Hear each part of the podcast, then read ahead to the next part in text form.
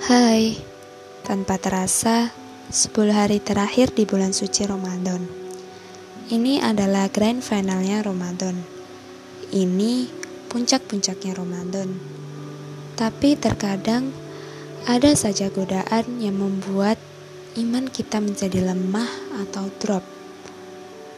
Hmm, kita menjadi gagal, malas untuk membaca Al-Quran, dan malas untuk melakukan sholat tarawih maupun qiyamul lail.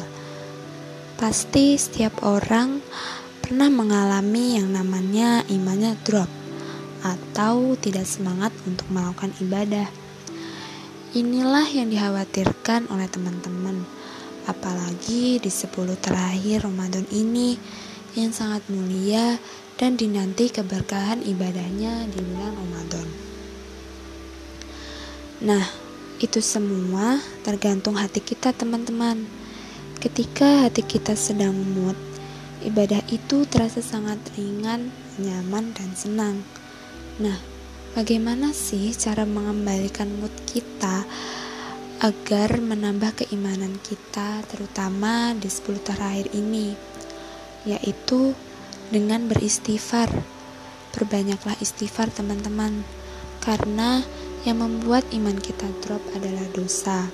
Tuh, ulama mengatakan min awalil khair an hashar. Awal dari semua kebaikan itu adalah meninggalkan dosa. Jika kita berbanyak beristighfar dan memohon doa kepada Allah agar menggugurkan dosa kita, insya Allah mood kita untuk menjalankan ibadah di 10 terakhir ini akan baik seperti halnya HP nih. Ketika baterai baterai HP itu drop, apa yang teman-teman lakuin? Mencargernya kan? Begitu pula dengan iman kita.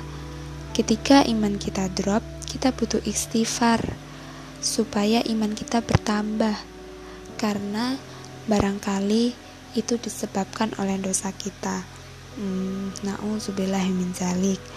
Semoga ini menjadi bahan motivasi teman-teman untuk menambah keimanan di 10 hari terakhir bulan Ramadan ini. Terima kasih.